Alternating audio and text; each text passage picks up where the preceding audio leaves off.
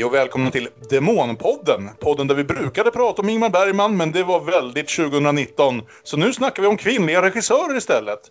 Den här gången gör vi det för andra gången. Eh, det är vårt andra avsnitt på den här nya säsongen. Och vi ska prata ikväll om två vampyrfilmer av kvinnliga regissörer. Jag heter Kalle Färm och med mig som alltid har jag Björn Waller. Hej. Aron Eriksson. Hallå. Och vår allra mest vanligt förekommande gäst, Olof Ekström, är tillbaka för första gången den här säsongen. Ja, men hej! Det var ju kul att du ville hänga med oss in i det här nya äventyret och eh, inte bara hänga med på Bergman-filmerna. Nej, men självklart. Du behöver lite avgiftning här nu. Ja, jo, det, det känns faktiskt ganska mycket så. I, I jämförelse med framförallt mycket av filmerna vi såg i slutet av förra året kändes det här verkligen som liksom något nytt och fräscht och väldigt lätt hittat den här veckan. Herregud, våld och explosioner och allt möjligt. Det var mm. jätteskoj. Mm.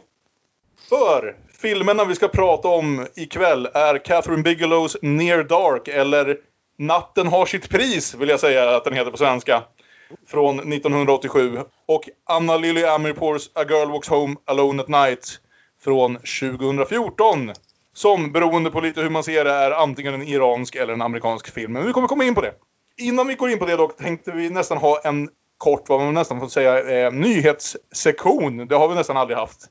Men vi fick ju reda på här via en artikel på svt.se att SVT tänker precis som vi köra tema kvinnliga filmskapare här under sommaren. Så nu när det här avsnittet släpps så borde de precis ha lagt upp hela dokumentärserien Women Make Film av Mark Cousins som ska vara en 14 timmar lång dokumentärserie om just de kvinnliga filmskaparna och deras roll i filmhistorien. Det tycker jag ska bli jättespännande. När vi spelar in det här så är det fortfarande några veckor kvar dit. Så vi har inte sett serien än. Men Mark Cousins gjorde för ungefär tio år sedan en dokumentärserie som hette The Story of Film and Odyssey som i alla fall, så vitt jag tycker, är den bästa dokumentärserie som har gjorts om liksom, filmhistorien i, i sin helhet. Som liksom mm. verkligen går igenom allt från 1895 och framåt. Naturligtvis inte allt, allt i minsta detalj, men alla de största och mest intressanta bitarna. Och jag älskade den serien när den kom för tio år sedan, så jag är tok spänd på vad det här kan föra med sig. Mm. Och med den här dokumentärserien då, eller vid sidan om den här dokumentärserien, har SVT även sagt att de tänker köra ungefär 50 långfilmer av olika kvinnliga filmskapare. Några som vi hade tänkt prata om ändå. Och några som vi kanske nu väljer att lägga in i även vårt poddschema så att vi passar på att prata om dem medan ni kan se dem på SVT eller SVT Play. Men just nu när vi sitter och spelar in det här är SVTs schema lite höljt i dunkel. Så vi får väl se vad det, vad det blir av det. Vi vet helt enkelt inte vilka filmer de tänker visa än så länge. Spännande. Ja, men det känns faktiskt jättekul. Det känns som vi landade rätt här när vi kom, kom på den här idén. det har varit mycket snack känner jag den här våren om kvinnliga filmskapare från alla möjliga håll och kanter. Och, äh, det känns kul att kunna haka på den trenden. Ja, vi gick ut med vårt tema där i februari eller när vi nu släppte sista avsnittet. Och det var ju väldigt duktigt av Cousins att få ihop den här 14 avsnitt dokumentärserien lagom till att vi hade premiär. Bara för att hjälpa oss. Mm. Det känns som att världen jobbar för Demonpodden. Så vi hoppas att ni hänger med och tittar lite på Women Make Film och eh, några av filmerna som SVT tänker visa och så kanske vi snackar om dem rätt vad det Men nu är det dags att prata vampyrer resten av kvällen här. För vi har ju sett de här två filmerna av kvinnliga filmskapare. Som sagt, Near Dark av Catherine Bigelow och Girl Walks Home Alone at Night av Anna Lily Amirpour. Jag gjorde en Aron här och stack in en tredje film i det. Bara för att jag tänkte att jag kanske behövde något annat som för att jag kunde tänka mig att någon skulle vilja göra jämförelser. För jag hade aldrig sett Catherine Hardwicks Twilight, men nu har jag det. Oj! ja. Jag kände att det var ett hål i min popkulturella kunskap som behövde fyllas igen. Jag beklagar. Så här är det ju. Det är ju inte en bra film. Men jag känner ofta så här att det finns två olika typer av dåliga filmer. Det finns de där man verkligen rullar med ögonen och stönar och liksom uthärdar sig igenom den. Och det finns de dåliga filmerna som man skrattar sig igenom. Och jag skrattade ganska mycket under Twilight. Mm. Jo. Den första Twilight är lite gullig ändå. Jag skulle nästan kunna hävda att den första halvan av första Twilight är en helt okej okay film. Men sen så måste de lägga in allt det här att det finns en massa andra konstiga vampyrer som de måste slåss mot och som måste hota saker. Och då blir det ganska snabbt, ganska fånigt. Och för att återknyta till vårt huvudtema den här säsongen så man kan ju undra finns det någon kvinnlig regissör som i så hög grad satt sin stämpel på en franchise som Catherine Hardwick gör där. Därför att i alla de andra filmerna så försöker de förtvivlat kopiera vad hon gjorde i den första och är ganska inkompetent också för det mesta. För alla de, alla de här liksom svepande helikopteråkningarna över skogar och allt det där. Det är snyggt gjort. Det är det absolut. Och det är, framför, det är ikoniskt framför allt. Jag tycker det är en visuellt snygg film. Jag tycker även, jag vet att det var en massa skitsnack om, om de två huvudrollerna när filmen kom. Jag tycker inte de är så där jävla dåliga utan jag tycker att de gör vad de kan med det här manuset som de har givits. Jag gillar bara, jag ska inte fastna för länge på Twilight, men en sak jag verkligen gillade var när Robert Pattinson ibland får såna här helt gränslöst dumma repliker som förmodligen är tagna rätt ur boken som jag inte har läst. Och jag tänker mig att de är skrivna helt ärligt i boken. Men när Pattinson levererar dem ger han sen sekunden efter en blick som fan det där var korkat, jag skulle inte ha sagt det där. Ungefär som man kan göra som tonårspojke. och det är ju av en lite annan liksom, dimension som jag faktiskt gillade. Att det var liksom, han spelade in att vad heter det, nervösa tonårspojkar säger korkade grejer ibland. Vem fan skulle säga något sånt där? Mm. Men, men. Vi ska snabbt röra oss vidare från det. Får se om vi kan dra några ytterligare kopplingar till Twilight senare. Men jag tyckte det var en väldigt lyckad, ja, dubbelbull om vi så vill, den här veckan. De här filmerna komplementerade varann väldigt väl kände jag. Near Dark mm. var, var, var, en gammal bekantskap för mig. Det är nog fjärde gången jag ser den. Men jag hade aldrig sett A Girl Walks Home Alone at Night förut. Bara en sån här sak som att, eh, jag kan inte säga hela titeln hela tiden, men A Girl Walks Home kom, släpptes med taglinen The First Iranian Vampire Western. Vilket är en bra tagline. Det är ju, det är en, bred, det är en bred genre. Ja. Jo. Eh, och då började jag tänka så här, var Near Dark the first American Vampire Western? Vi har ju haft några absolut däremellan, From Dusk Till Dawn och sådär. Men just den här kom kombinationen vampyr och westernfilm. Det är faktiskt inte den allra första. Wikipedia hävdar att det finns åtminstone två stycken vampyrwesterns före Near Dark. Okay. Det, är, det är Curse of the Undead från 1959 och Billy the Kid vs Dracula från 1966. oh la la. Okay. Och båda är amerikanska ska vi säga då, så att, eller? Det utgår jag från. Ja. Det verkar ju vara mer skräckfilmer i Abbott och Costello-facket då kanske. Än... A Curse of the Undead verkar vara en ganska eh, seriös skräckfilm. Okay. Så, så seriös som någon skräckfilm var 1959. Ja. Men, mm. ja. Jo, jag tyckte också det var en väldigt bra kombination. För mig var det, var det tvärtom att jag... Eh, att A Girl Walks Home är någonting jag har jag sett innan, men Near Dark var första gången där Near Dark kanske för mig då i alla fall var klart en mer uppenbar westernfilm. Mm. Och att det var, det var först när jag den här gången såg om A Girl Walks Home som jag såg mer på den med västernglasögonen. Jag tror inte jag har tänkt på den riktigt lika mycket som en västern innan. Alltså, kände kanske till att den har marknadsförts som det men, men jag såg saker i uh, den iranska filmen som jag inte riktigt hade tänkt på innan. Med mycket kopplingar till Near Dark. Mm. Men, men annars är de här också tycker jag väldigt intressanta. Nu kommer ju vi in som kända älskare av Buffy the Vampire Slayer men även en del andra vampyrfilmer. Och det som är så intressant tycker jag med båda de här filmerna är hur eh, dels, alltså de verkligen plockar sina små bitar av vampyrmyten och lämnar stora sjok helt utanför. Till att börja med säger ingen ordet vampyr i någon av de här filmerna. Mm. De säger Dracula i, i A Girl Walks Home men inte vampyr. Inte en påle genom hjärtat. Inget av alla vampyrmyter som är kopplat till kristendomen. Inga kors, inget heligt vatten. Inget av det liksom. Utan det är verkligen de har plockat precis de bitarna som behövs för de här ganska små historierna. Mm. Apropå vampyrwesterns så är Glenn Danzigs nästa film en vampyrwestern. Och vi som har sett hans första film Verotica från i fjol ser eh, fram emot det med skräckblandad förtjusning. Death Rider in the House of Vampires. Ja, det blir nog bra. Mm.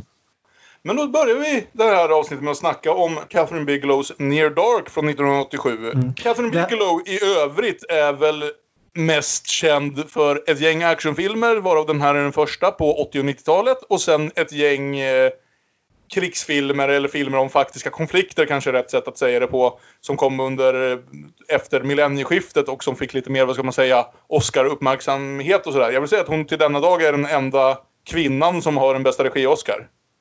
Jag tror Eh. det. Near, Near Dark är ju hennes eh, långfilmsdebut. Och det är ju intressant just det här med, apropå västern och eh, vampyrer, att egentligen ville hon ju göra en västernfilm rakt av. Mm. Men det gick inte att få pengar till det 1987. Men eh, däremot så hade precis både Fright Night och Lost Boys kommit ut så alla sa vampyrer. Ja, vampyrer. Ja, vi gör en vampyrvästern. En vampyrvästern, går det? Ja, men titta på Billy the Kid vs Dracula. Ja, okej. Ja, alltså Lost Boys tänker jag också ganska mycket på när jag ser den här. För det känns som att de verkligen gick upp mot varandra på biodukarna i stort sett. Det var samma år i alla fall. Och Ja, det är typ känns tre, någonstans- tre månader emellan dem eller något Ja, sånt. och det känns ju någonstans som att jag gillar Lost Boys också. Det är en jävligt underhållande film. Men om Lost Boys är, vad ska vi säga, verkligen 80-tals popversionen så är det ju här den lite något punkigare kusinen. Och alltså, jag har ofta gillat Catherine Bigelow-filmer, båda hennes faser ska jag väl säga. Point Break är en sån här film som om jag dyker på den så kommer jag se den. Eh, det är en oändligt dum jävla film, men det är en oändligt underhållande film. Eh, men min favorit är nog fortfarande Strange Days, som SVT säger att de ska visa i sommar. Som inte är en film som alltid funkar på manusstadiet, men som har en sån jävla stämning och nerv och, eh, och, och några av mina favorit 90-talshjältar i just det här att para upp eh, Ray Fiennes och eh, Angela Bassett som någon slags futuristiskt eh, noir-par är så jävla lysande så jag eh, älskar den filmen väldigt mycket. Och soundtrack av PJ Harvey dessutom. Dessutom. Men då är det Bigelow själv som har skrivit manus till Near Dark, väl? Jag tror hon är en av två. Hon har en medförfattare, men, men jo, jag skulle tro det. Ja, eh, med, medförfattaren till Near Dark-manuset är Eric Red, annars mest känd för manuset till The Hitcher. Den här Ja. vä- väldigt fina gamla Rutger Hauer-rullen från mitten av 80-talet. Ja, men just det. Och det känns ju väldigt logiskt. För The Hitcher och Near Dark har ju Det det verkligen en hel del DNA. Det, det känns ju också som en sån här, vad säger man, ne- neo-western som tar, tar en med en skräckvändning. Så Ja. det tyckte jag kändes fullt logiskt. Och den andra uppenbara eh, kopplingen man kan göra till en annan filmmakare det är ju att Catherine Bigelow skulle kort efter det här, nu vet jag inte exakt när, men så gifte hon sig ju med James Cameron. Mm. och eh, jobbade ihop med honom under ett antal år också. Eh, så de har ju väldigt tydligt påverkat varandra om man säger. Ja, och det, det känns väl som att de måste ha haft någon slags kontakt här också. För vi ska ju säga Ja. det direkt att den här vampyrfamiljen spelas av tre av marinsoldaterna från en av mina absoluta favoritfilmer, nämligen James Camerons Aliens, som kom året innan. Och dessutom syns på när, när Caleb i den här filmen går förbi bion så visar den Aliens. Eh, Yes. yes. Ja, jag, man vill ju ändå tänka sig att, att de eh, spelade in den ena filmen på dagen och sen så gick de, gick de vidare och spelade in den andra filmen på natten. Ja, det är skitkul. Alltså, för så här är det, ska jag säga nu. Att, som sagt, det här är fjärde gången jag ser Near Dark tror jag. Så jag är ganska bekant med den även om det varit uppdelat på 25 år. Jag tycker inte riktigt manuset håller i den, men det mesta andra. Det är en film som väger upp sitt ibland halvkackiga manus med att ha så jävla mycket stämning och fotografi och som sagt framförallt eh, så här enormt karismatiska skurkar får man väl säga. För delar av den här vampyrfamiljen blir ju onekligen filmens skurkar vad det, vad det lider. Ja. Förra året så hade vi ju den gamla hederliga luntan Regi Bergman att läsa synopsis ur. Men det här året har vi ju inget sånt. Så vi tänkte väl så här. Vi går, kommer gå varvet runt, alltså en film var under några veckor här då. Och så får någon försöka sammanfatta de här filmerna på 30 sekunder ungefär. Så att vi inte riktigt behöver gå, lika tätt gå in på dem scen för scen som vi kanske gjorde förra året när vi bara behövde prata om en film i veckan. Så vem känner sig beredd att sammanfatta Near Dark på 30 sekunder? Ja, men jag kan ta det. I en liten stad mitt ute i ingenstans i Oklahoma träffar vi Caleb som är typ 18 och träffar en väldigt snygg tjej som kommer någon annanstans ifrån. Hon visar sig vara vampyr och biter honom varpå han blir kidnappad av hennes vampyrfamilj. De åker iväg på en någon sorts crime-resa tvärs över Oklahoma och alltihopa slutar med att alla vampyrerna brinner upp förutom den här tjejen som de räddar med en blodtransfusion. Vilket är väldigt fånigt sätt att avsluta en vampyrfilm. Men fram till dess är den rätt bra. Det känns som något Blade skulle ha gjort. Ja, faktiskt. Kanske han gjorde till och med. Mm. Nu när du säger det. Eh, Ja, precis. Det här med transfusioner är ju verkligen något som Near Dark kommer med själv, känner jag. För att på något sätt kunna Ja. få in ett, ett lyckligt slut. Och det är också den biten jag har svårast med. Förekommer det i Blade eller är det bara något jag känner borde ha förekommit där? Alltså i Buffy, och nu känner jag så här, vi kommer dra många referenser till Buffy så jag Ja. hoppas att lyssnarna hänger med under det här avsnittet. Vi får Ja. försöka lämna lite avsnittstitlar här och där. Men här och där i Buffy vill jag väl säga att efter att de är bitna men ännu inte har vänt, eller vad man ska säga, så kan de räddas via blodtransfusioner vid något tillfälle. Ja, alltså på så vis att i Buffy måste du ju dö för att bli vampyr. Och får du blodtransfusion och överlever så blir du inte vampyr. Så är det nog ja. Ja, medan här i så verkar du bli vampyr så fort du blir biten överhuvudtaget. Du, du behöver inte ens dö liksom. Bet, that's it, du är vampyr. Ja, eller jag skulle, jag skulle i alla fall säga att i Ne- Near Dark-vampyrerna verkar påminna om, om eh, Mats Strandbergs vampyrer i Färjan, tänkte jag på. Åtminstone att man påbörjar någon slags förvandling redan direkt när man blir biten. Och sen, sen kanske den möjligen tar några timmar eller, eller s- så, någon halv dag för att fullbordas. Men det går ganska snabbt. Ja. De går inte heller in på det så mycket detalj i Twilight, eh, men ungefär samma sak verkar hända där. De pratar ju till och med om the poison, att man helt enkelt när man blir biten blir förgiftad. Giftet är det som gör dig till vampyr och giftet kan eh, tas ur dig igen. Mm. Men, eh, men, men det är i alla fall det är, det är lite annorlunda från många andra vampyrlegender som man har dykt på. Men en kort och kärnfull sammanfattning för övrigt, Björn. Ja. Tack. Och som sagt, Så- vi ska väl inte eh, gå in allt för nära på handlingen, för det gjorde vi precis. Men det finns... eh, Jag tänkte så otroligt mycket på Buffy under Near Dark den här gången. För det finns så många saker i Buffy som bara är tagna... Alltså enskilda scener och så här, som är tagna rätt av från Near Dark. Till att börja Jo. med den här öppningen när Caleb träffar vampyrtjejen, vad hon nu heter. Eh, May. Spelad av eh, Jenny Wright. Som jag satt igenom hela filmen och undrade var känner jag igen henne ifrån? Jo, hon är groupin i Pink Floyd The Wall. Ja, just det. Eh, och eh, Caleb spelas av Adrian Pastar som ju är... Väldigt ung. som är väldigt ung här. Tänkte någon annan på hur lika våra två huvudrollsinnehavare i de här två filmerna är? Alltså Arash i Girl Walks Home och Pastar vid den här åldern. Jag tyckte de såg var väldigt Ja, det, det, det, ligger absolut, nå- det ligger absolut något i det. Men, men vi märker ju liksom direkt i mötet mellan mig och Caleb här så har vi ju det här är ju liksom hur filmen kommer att vara sen. Det är allting är om natten.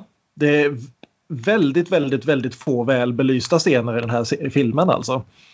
Men det är väldigt snyggt gjort alltihopa det här. Och May har ju någon lång utläggning här om hur hon ser natten. Och om man lyssnar på natten och om man tittar på natten så blir man bländad för den är både så mörk och så ljus. You wanted to show me? Yeah, the night. What about it? It's dark. I noticed. It's also bright. It'll blind you. I can't see. Well, listen. Do you hear it? Listen, I don't hear nothing. Listen hard. Do you hear it? Hear what? The night, it's deafening. Sure, I've met many girls like you. Now, you haven't met any girls like me. Och det är, ja, det är rätt snyggt tycker jag. Alltså, Ja, som det är så väl spännande. sisådär skulle jag säga. Det är väl inte den mest imponerande monologen hon håller där. Och hur lilla Adrian Pastar, jag har aldrig träffat någon som du. Han har aldrig träffat en hög kvinna. Nej, äh, det, det, det han säger är I sure haven't met many girls like you. Och hon svarar You haven't met any girls like me. Med betoningen på girls. Därför att, och det är strax, strax innan hon också förklarar att hon kommer att vara här när stjärnorna slocknar också för hon är odödlig. Och ingen tar, ingenting av allt det här får honom att liksom reagera det allra minsta. Men en sak som jag tänkte på här, om man, inte, om man ser den här filmen helt ovetande som, som komma skall liksom. Nu som sagt var det fjärde gången jag ser den. Caleb är lite jävla creepy här i början. Så jag tänkte Oh, verkligen ja. på den här som en, Ja, som en mycket. vändning av, av den här scenen. Som sagt, allra första Buffy-scenen någonsin. Öppning på Welcome to the Hellmouth. Där liksom Ja. verkligen är en skrivig kille som leder in en ung blond tjej i skolan efter stängningsdags. Varpå twisten är att dö, dö, dö, det är hon som är vampyren, inte Mm. han. Och det är nästan, det är väldigt likt alltså. Ja, och det är precis vad som händer här därför att Caleb han erbjuder sig att köra hem henne. Och sen så stannar han mitt på vägen och vägrar köra vidare förrän han får en kyss. Och då får han först en kyss och så får han ett bett. Och det är väl bara rätt och lagom åt honom egentligen. Det här är också första gången av vad som känns som ett halvdussin gånger i den här filmen som inser att vampyrer behöver fler klockor. För de kom, har aldrig någon jävla koll på när solen ska komma upp. och hela den här filmen vänder och vrider sig kring att vampyrer har aldrig någon jävla aning om när solen är på väg upp. Ja. Där de är. Och man känner att har de levt i några hundra år borde de kanske ha lite bättre koll på det vid det här laget. De blir Jo. konstant verkligen överraskade av det. Men jag gillar också det här just att filmen är så mörk som sagt, utspelar sig så otroligt mycket mörkret att ljuset bokstavligt talat blir en fiende, något hotande. Ja, Att när ljuset kommer in så är det liksom fara och färde och de måste fly. och det används ju enormt snyggt mot slutet av filmen också, men vi kommer dit. För det som händer nu är ju i princip att Caleb blir kidnappad av en husbil full med vampyrer, det vill säga Mays familj. Ja, Spelade av, ja som sagt, här har vi ju hela liksom listan. Vi har Lance Henriksen, Bill Paxton, Jeanette Goldstein. Det är Aliens-gänget här. Och så dessutom en liten tioårig vampyr spelad av Joshua John Miller. Var känner vi igen honom från? Han debuterade i Halloween 3, så där har vi ytterligare en koppling till förra veckans när Paul Rudd debuterade i Halloween 6. Men framförallt så har han på senare år gjort sig känd som manusförfattare och eh, han och hans pojkvän skrev först den utmärkta skräckfilmen The Final Girls. Och eh, skriver just nu en tv-serie som heter The Queen of the South som jag inte har sett men som har fått fem säsonger så den måste väl vara något att ha i alla fall. båda de här filmerna ska vi säga, men kanske... Near Dark är en otroligt jävla tight film. Alltså båda de här filmerna typ börjar ju spela sluttexter vid 90 minuter. Mm. Eh, vilket jag ofta gillar och eh, extra mycket när det är såna här typer av filmer, alltså actionfilmer eller skräckfilmer. Och det känns som den följer en trend av jävligt tajta 80-tals actionfilmer där folk som John Carpenter visste att man inte behöver mer scener än man behöver. Jag tänkte på det att i Twilight, de är liksom vid 10 minuters märket i Near Dark där de är vid 50 minuters märket i Twilight rent plottmässigt. Den ena vet att den andra är en vampyr och de börjar bli lite förtjusta i varandra. Ja. Sen, sen, samtidigt så tycker jag, jag vet inte om jag tycker eh, Near Dark är så tight egentligen. Okej. För det, det, den är kort, absolut, men den går ju lite vilse här i början. För efter att vi då har presenterats för det här vampyrgänget Mm. ska jag nämna också den här lille killen heter Homer och det är väl absolut sista gången i filmhistorien som någon karaktär kunde heta Homer och inte vara ett- någonting man skrattar åt. Simpsons kom som första avsnitten väl 88 tror jag. Ja. Ja.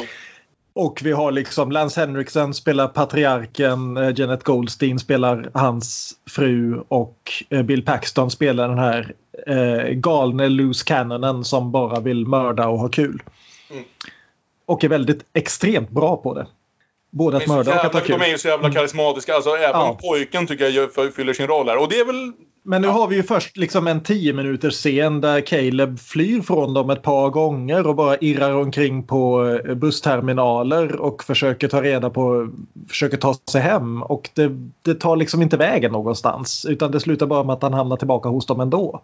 Det, det är lite utfyllnad känns det som. Ja, kanske här i början kan jag hålla med om det. Jag tycker att det finns en vändpunkt typ halvvägs genom eh, i och med barscenen och efter det tycker Ja. jag den rullar på som ett jävla tåg. Men, men visst, här i början så är det lite så här... Mm. Försök till att, som sagt, de, de vill inte gå in och göra någon stor så här lore dumps om det här är vampyrer och så här fungerar vampyrer. Utan de håller det väldigt, väldigt vagt. Utan Ja. vi får ju snarare lära oss det och just hur de här vampyrerna funkar genom att observera Caleb här när han får sticka iväg lite för sig själv och börjar tycka att det är jobbigt att vara ute i solen och inte gillar att äta choklad längre. Eh, och sådär. Och här blir det också väldigt tydligt att båda de här filmerna känner jag vill göra någon slags parallell mellan vampyrism och drogmissbruk som väl är en av de vanligaste metaforerna att använda det för. Det finns ett par andra. Vi, vi kan återkomma till det för Ja. bägge två är ganska rejält metaforiska men det är någonting att jämföra. För vi har ju som sagt den här barscenen som är det som liksom gör hela filmen. Precis. När vampyrgänget väl är samlat, de har mer eller mindre kidnappat Caleb vid det här laget. Han har börjat inse att eh, han måste hänga med dem eller inte finnas kvar alls. För han behöver tydligen lära sig att gilla att dricka blod. Så de bestämmer sig för att slå på stort och ta, ta ut en hel eh, bar, mörda alla där inne och få ordentligt med käk för en kväll. Och det är ju en riktig jävla setpiece alltså som Ja. väldigt mycket, mer än, någon, något annat egentligen, hänger på Bill Paxtons jävla karisma. Och jag, och jag älskar den här scenen just därför att det är så väldigt tydligt en skräcköversättning av en klassisk västernscen. Det här när liksom gubbarna i svarta hattar kommer in på salonen och alla liksom direkt inser att shit, nu sitter jag här absolut stilla och hoppas att de inte märker mig. För även efter att de börjar slakta folk så är det nästan ingen som ens försöker göra någonting eller ens försöker fly. Därför att det är verkligen liksom bara här är något som är bortanför vår fattnings och hanteringsförmåga. Det här är en liksom utommänsklig skräck som sätter in direkt. Och det fångas upp så väldigt snyggt tycker jag. Ja. Och också på tal om så här, vad ska man säga, små skådespelare som har extrem otur i filmhistorien. Snubben som man går på mest, eh, eller precis i början, den här cowboyen som sitter och dricker sprit i baren som man spottar på och så vidare. Är samma snubbe som Arnold ber ber att få hans his boots, his clothes and his motorcycle jag, satt, jag satt T2. precis och tänkte på det, den, för, det, för det känns ju en väldigt tydlig parallell till den scenen, den Terminator-scenen. Ja, och det är samma Eh. skådis som får stryk i båda så... Det, det, jag, jag, jag satt och tänkte på att han var ganska lik men jag, sen glömde jag av att kolla upp det. Så det var ju himla kul faktiskt. Även utan att veta det så, så får man ju flashar av Arnold-scenen som är ju väldigt annorlunda men, men det är ju ändå det här, vad det var Björn sa, utomjordiska skräcken. Den finns ju där också fast på ett lite annat sätt. Ja. Ja, Vi, vi har ju den här scenen där Lance Henriksen då beställer beer in a glass. Och när servitrisen kommer så säger jag behåll ölen, jag behöver bara glaset. Varpå Jeanette Goldstein skär halsen av henne och tömmer henne i glaset och de sätter sig lugnt ner i båset och börjar dricka. Ja, det, är, alltså, det är en sån jävla... Det, ja. här filmen startade egentligen. Jag kan, jag, nu när jag tänker på det, jag sa förut att den var tight. Den är tight från den här punkten. Och de gör allt det här till tonerna av Fever med The Cramps som är en av världens bästa versioner av den väldigt bra låten. Och, och du har eh, Bill Paxton som först använder Caleb för, som human shield när den här cowboyen vill spöa upp honom. Och sen när bartendern börjar mucka så skär han halsen av honom medan han dansar med sina sporrar på stövlarna. Och det, Åh, herregud. Ja, ja, men hela den här scenen är ju fantastisk alltså. Det här är, det är så här man använder en actionscen för att etablera karaktärer och för att etablera en värld. Mm. Precis. Och här märker man ju att eh, James Cameron noterade också för han snodde ju den här scenen mer eller mindre rakt av till T2. Vi har pratat lite om att, att det här var en, en westernfilm som, som ju i senare skede blev omarbetad då till en skräckfilm för att den skulle kunna bli av. Jag var kanske lite tveksam till det ibland. Att jag ibland tyckte att filmen kändes lite splittrad på grund av det. Eller lite, lite genrehemlös ibland. Att jag tyckte att den filmen vi ska prata om sen fick ihop det bättre. Eller åtminstone tog det nog ett tag för mig för att känna att filmen bestämde sig för vad den ville vara för någonting. Mm. Jag gillar verkligen var den landar och som sagt det är ungefär en halvtimme här på mitten som jag tycker den bara rockar sockarna av det mesta här. Eh, För direkt efter att den här barscenen har utspelat så flyr de ju vidare till ett motell. Där han som äger motellet direkt säger jag har inte sett det här förut. Och till Lance Henriksen och Lance Henriksen svarar You were here once before, wasn't you? Lots of years back. Yes, I get through here about once every 50 years. Make me reservation. Och, och du har också i den scenen den här härliga grejen att solen håller precis på att gå upp. Och Lance Henriksen behöver den här rumsnyckeln nu. Därför att om 30 sekunder så kommer han att fatta eld. Han har väckt den här stackars motellägaren som står där i pyjamas och gäspar. Försöker liksom göra small talk med honom medan Lance Henriksen bara liksom ge mig nyckeln, ge mig nyckeln, ge mig nyckeln. Och man ser solen krypa fram över disken liksom. Och det, ja, det, är, det är jävligt snyggt gjort. Det är något i, som vi har märkt under bara, egentligen hela den här filmen hittills, men den, den har... Den är inte riktigt Cronenberg i hur jävla köttig den är, men den älskar verkligen... Alltså, den har snygga, rent, vad ska man säga, fysiska effekter och det är mycket som bara känns. Våldet känns väldigt mycket. Och även det här, den här effekten av just att det verkar nästan... Det, det enda vi ser som kan döda vampyrer i den här filmen är solljus. Och när de då väl blir träffade av solljuset så gör det ont utav bara helvete. Det här är som sagt återigen en sak som Buffy definitivt snodde. Att håller du handen i solljuset i mer än tre sekunder liksom fattar den eld direkt. Och eh, Bill Paxton från den här punkten och vidare ser ju bara mer och mer gnarly ut. Ju mer han blir träffad av eh, både sol och kulor och allt möjligt. Och du har ju verkligen det i den scenen som kommer nu. För det som hände i baren var ju att Caleb vägrade ha ihjäl sitt offer och han kom undan. Och det, det, är också, det är en grej som man kan diskutera om filmen. Just det här att okej, okay, den diskuterar inte vampyrlore någonting. Men den diskuterar heller inte mycket runt de här. Liksom, men är det rätt att döda för att jag ska leva? Utan det, liksom, det bara presenteras som en grej du måste göra. Mm. Och vi ser inte Caleb ha några stora liksom, funderingar runt det. Utan det är bara att uh, nej, det vill jag inte. Ja, men du måste. Men, men är, ah, okay, är inte det ändå ett lite moraliskt dilemma han har där då? Att, jo, men... Okej, okay, jag håller med om att de inte går på djupet i det såklart. Men, men... Men, men, men jag vet inte om jag ska tycka att det är slarvigt eller eh, beundransvärt att de gräver ner sig så lite i det. Ah. Hela den biten fast forwardas förbi på åtta sekunder. Mm. Och sen så är det liksom att Caleb inte gör det får konsekvenser och han vill inte göra det. Absolut. Men det är liksom, vi, vi får aldrig den här scenen som är obligatorisk i moderna liksom vampyrfilmer. Att ja men hur ska jag kunna leva med mig själv om jag måste bla bla bla. Utan det är bara, har du lust att göra det? Nej. För den här kärlekshistorien mellan vampyrer är ju ja, episk. Det finns ja. en orsak att det funkar även i Twilight. Det är ju samma sak. Och eh, den här scenen mellan just Caleb och May som kanske är den närmaste det kommer att bli någon slags fint förhållande av det för det är ju inte jättelyckat ärligt talat den romantiska biten. Nej. Men när de står där i natten och pratar om, han frågar vad ska vi göra nu och hon vad du vill, när du vill. De kysser varandra och hon säger men du måste döda folk. Natten har sitt pris. Mm. ja, den kör det, men väldigt lite av det. Ja, och hon säljer ju in honom på en lögn här. Vad du vill, när du vill. Caleb är ju fan en fånge hela den här filmen. För att få fortsätta vara vampyr måste han hänga med den här jävla psykopatfamiljen. Mm. Eh, som hela tiden behandlar honom som lägst på totempålen och försöker bestämma sig scen från scen om de ens ska ha med honom eller bara slänga ut honom i solen. Den, den scenen som inte finns, som finns i många vampyrfilmer, är det här att upptäcka, vad ska vi säga, the joyful side av det hela. Mm. Att, att liksom eh, att nyttja sina krafter för att ha kul eller för, att uppleva något nytt. Nej, att det ändå blir ett svårt val. Det är det här som till exempel eh, Lost Boys kör stenhårt på att hur, hur, hur himla coolt det är att vara vampyr men att sen har det sina små baksidor. Det har de ju eh, verkligen inte här. Eller bara en sån här grej som att de här har alltså kajkat runt på vägarna sedan åtminstone 1860-talet efter vad de säger. Och allt de äger överhuvudtaget verkar vara kläderna de går och står i. Det är som hur kul har de egentligen? Liksom Bill Paxton Bill... verkar ha väldigt kul. Bill Paxton, Bill Paxton verkar ha väldigt var... kul men, men, Bill Paxton är också fullständigt psykotisk. Han, han, begär, han begär inte mer av livet än att få mörda folk.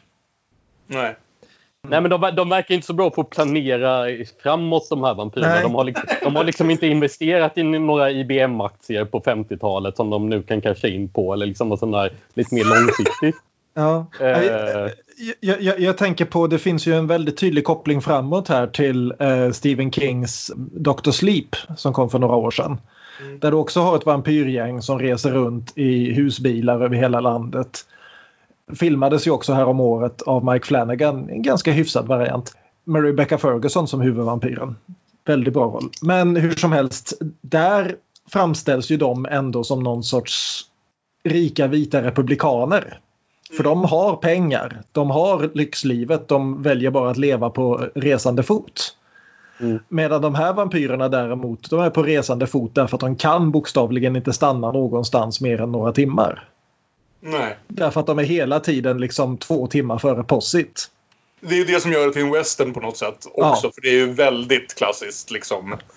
Rida runt och råna banker och fly genom öknen sen liksom. Ja, och det är ju också just det som händer här när de har tagit in på motellet. Att mitt under dagen så plötsligt bankar det på dörren och där står polisen utanför.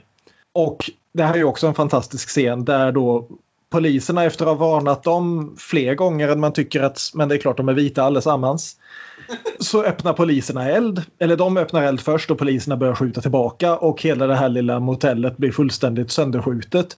Och varje gång en kula går igenom väggen in i det här kolmörka rummet så blir ju det här ljusstrålen som en laserstråle. Det är liksom ku- snyggt. kulorna skadar dem inte. De kan ta hur många kulor som helst. Men en enda ljusstråle kan ju göra slut på dem. Man har sett det flera gånger efter, men jag tror aldrig man har sett det innan. Just på det här sättet.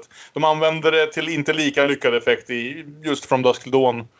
Men nej, det är, jag älskar även den här shootout-scenen och det här man verkligen känner det här. Men det är här man verkligen ser att hon har en känsla för, för action och liksom kraftfull action som hon alltid hållit med sig. Jag gillade inte hennes senaste film Detroit särskilt mycket men vad den har är en jävla sekvens i mitten som på samma sätt är otroligt intensiv och sen tyvärr inte byggs upp av filmen runt om den sekvensen.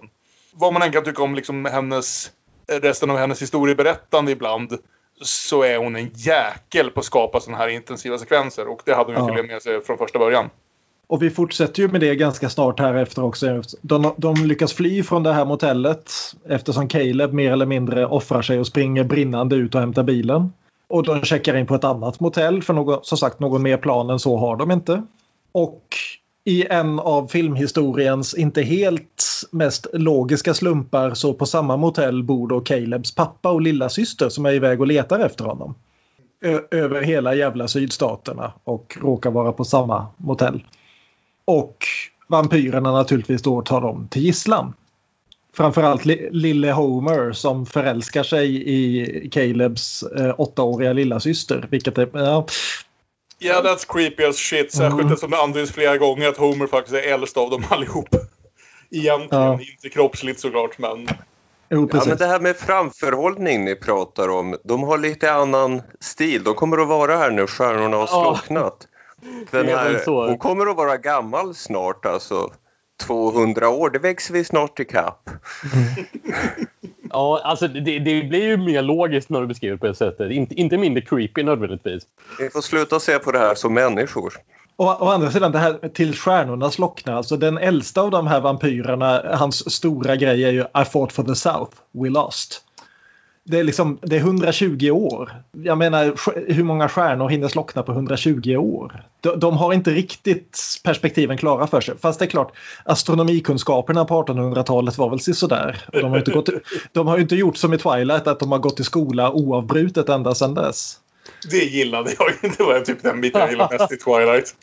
Hela den här väggen med oändliga studentmössor för att han är tonåring för alltid. Så han har gått high school i typ 100 år nu. Jag får en känsla av att, att eh, vampyrerna i Near Dark har väl inte haft en, en överdriven mängd skolning överhuvudtaget. Du känner inte att Bill Paxton tog sina college credits? Nej, jag, gör- jag gör ju inte det.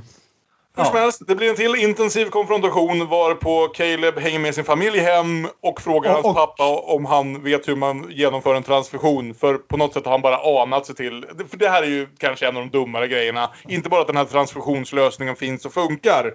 Utan också att Caleb på något sätt bara vet helt plötsligt att det kommer funka. Och, och att hans farsa som alltså är bonde på något vis har liksom all utrustning för det här. Var, var i helvete får han tag på fyra liter människoblod mitt i natten? Jag tänkte han tog av sitt eget, ja. Ja. Det är så dumt det här. Liksom, vampyrer lever på att dricka människoblod. ja. Men om, men om du häller i dem människoblod så slutar de vara vampyrer. Nej, jag håller med. Om det är så att pappan bjuder på sitt eget blod, vilket jag tolkar det som, då, då kan han ju bara ta en ändå mindre mängd utan, innan han Ja. själv svimmar av. Så att, då, det kan ju inte ha varit eh, sådär jättemycket blod ändå. Så det är mestadels ändå... Eh, sonen har ju ändå kvar mestadels sitt, e- sitt eget blod, får man ju förvänta sig. Som ju då är vampyrsmittat. Det är en fårfarm, det är fårblod. Ja, så kan det i och för sig vara. Att det, är därför, det är därför han har såna, så mycket sån här utrustning. Han, han brukar köra transfusioner mellan sina djur lite då och då. behövs. Det var en sideplot som klipptes bort. Ja. Det, det, här, det här känns ju som en... Eh, ja, det är någon sorts Wallace and Gromit-film det här. Liksom att, ja, var, varulvsfåren, vampyrfåren. Här kommer dock punkten där jag inte blir riktigt klok på den här filmen från ett manusstadie. Eh, Förutom nu känns det som att nu är vi 75 minuter in i en 90 minuters film och de behöver bara avsluta den. Mm. Varför känner de ens ett behov av att jaga efter Caleb? Jag förstår mig för hon är på något sätt kär i honom och hon vill att hon ska Mm. hänga med dem. Jag ser inte riktigt vilket syfte de andra ens har att jaga efter honom vid det här laget. Nej. Jag tror det är Homer som har drivit igenom den här planen. Ja. Homer är ju fortfarande kär. Ja, han, han, vill få, han vill få tag på lilla syrran då fortfarande. Mm. Ja. Och jag tycker det är väldigt konstigt att Caleb med familj liksom, nej det kommer nog inte att hända något. Vi stannar var- kvar här på gården. Det verkar gå ett tag där. Det, är väldigt, det går en sån här typisk filmperiod. A while passes. Vi vet inte om det är en vecka eller en månad eller vad fan det är. Men de, han verkar gå tillbaka till att leva bondelivet liksom och bara antar att ja, jag vet, nu vet jag att det finns vampyrer där ute i världen som Ja. jagar oss hela tiden. Men nej, jag ska vara bonde. Och liksom verkar helt försöka slappna av och återgå till det gamla. Nej, de, de går liksom direkt tillbaka till O to Billy Joe-grejen. Liksom bara, vampyrer existerar, skicka smöret. Hur som helst så dyker vampyrfamiljen upp, kidnappar lilla syster och Caleb måste, eftersom de dessutom saboterar hans bil så måste han sätta på sig cowboyhatten och stövlarna och rida till showdownen på Main Street Ja, mitt på det är natten. härligt. Det är Det så är- jävla roligt. det är så stiligt. Och allting. Ja, alltså, för vi har sagt det redan, att det är en extremt mörk film. Det är en film som till 95% utspelar sig i mörkret. Det är också en av de, en av de här 80-talsfilmerna som använder en rökmaskin i stort sett varenda scen. Ja. Det är så mycket skuggor och ljusstrålar genom rökiga miljöer. Och det är ju en väldigt 80-talsestetik, men jag tycker den funkar här. Det är, Ja. Det är jävligt härligt. Och, Och det eh, är också roligt att han kommer ridande på den här hästen och är ju cool som eh, hela stan. Men vi har ju etablerat att hästar blir ju rädda när de möter vampyrer. När jag försökte imponera på mig deras första natt så visade han ju hästen och hästen bara sprang iväg. Så nu när han kommer ridande så kommer Paxton och hästen bara springer iväg. Så Återigen, mycket för den hjältescenen. Vi är så vana vid filmer vid att ha både hjältar och skurkar som är den smartaste någonsin har träffat. Här har vi ju en film där i stort sett alla huvudkaraktärer verkar vara någon form av idioter. Och det är ju ändå lite spännande att se vad som händer Ja. då. Det brukar vara lämnat åt komedier liksom. Ja. Och, men istället för hästen så dyker det upp en lastbil. Vilket är väldigt praktiskt för tidigare i filmen så har ju då Caleb eh, och May mördat en långtradarchaffis som först påverkad av vad nu är långtradarchaffisar sätter i sig för att kunna köra i 18 timmar i sträck. Eh, berättat för dem exakt hur man inte ska bromsa en lastbil för då kraschar den. Så han hoppar i lastbilen, kör över eh, Bill Paxton och när Bill Paxton börjar slå tillbaka därför att man dör inte av att bli påkörd av en lastbil så bromsar han lastbilen på helt fel sätt och hoppar ur och lastbilen exploderar. Så två sätt att som vampyrer kan dö på i den här filmen är alltså solljus och exploderande lastbil. Ja, Ja. Inga pålar genom hjärtat här eller inte. nej. De här vampyrerna måste ju komma undan soluppgången. De försöker förtvivlat köra iväg men det blir ljusare snabbare och snabbare. Och May grabbar tag i lilla syster och kastar sig ut ur bilen. Homer brinner upp och exploderar när han försöker springa efter dem. Och Henriksen och Goldstein brinner upp medan de försöker köra på Caleb. Och bilen ru- rullar lite ofarligt ut i diket och exploderar. Det är en sån patetisk liten avslutning för dem. Och på Ja. något sätt gillar jag verkligen det. Det, är så, det verkligen pekar på det här vilken otroligt tafatt plan det här måste varit. Liksom. Återigen, ingen hade koll på när solen skulle komma upp. Alla verkar vara överens om att det är väldigt mycket viktigare att av någon anledning ta koll på Caleb än att liksom, försvara sitt eget liv. Även fast man ville leva tills stjärnorna skulle slockna.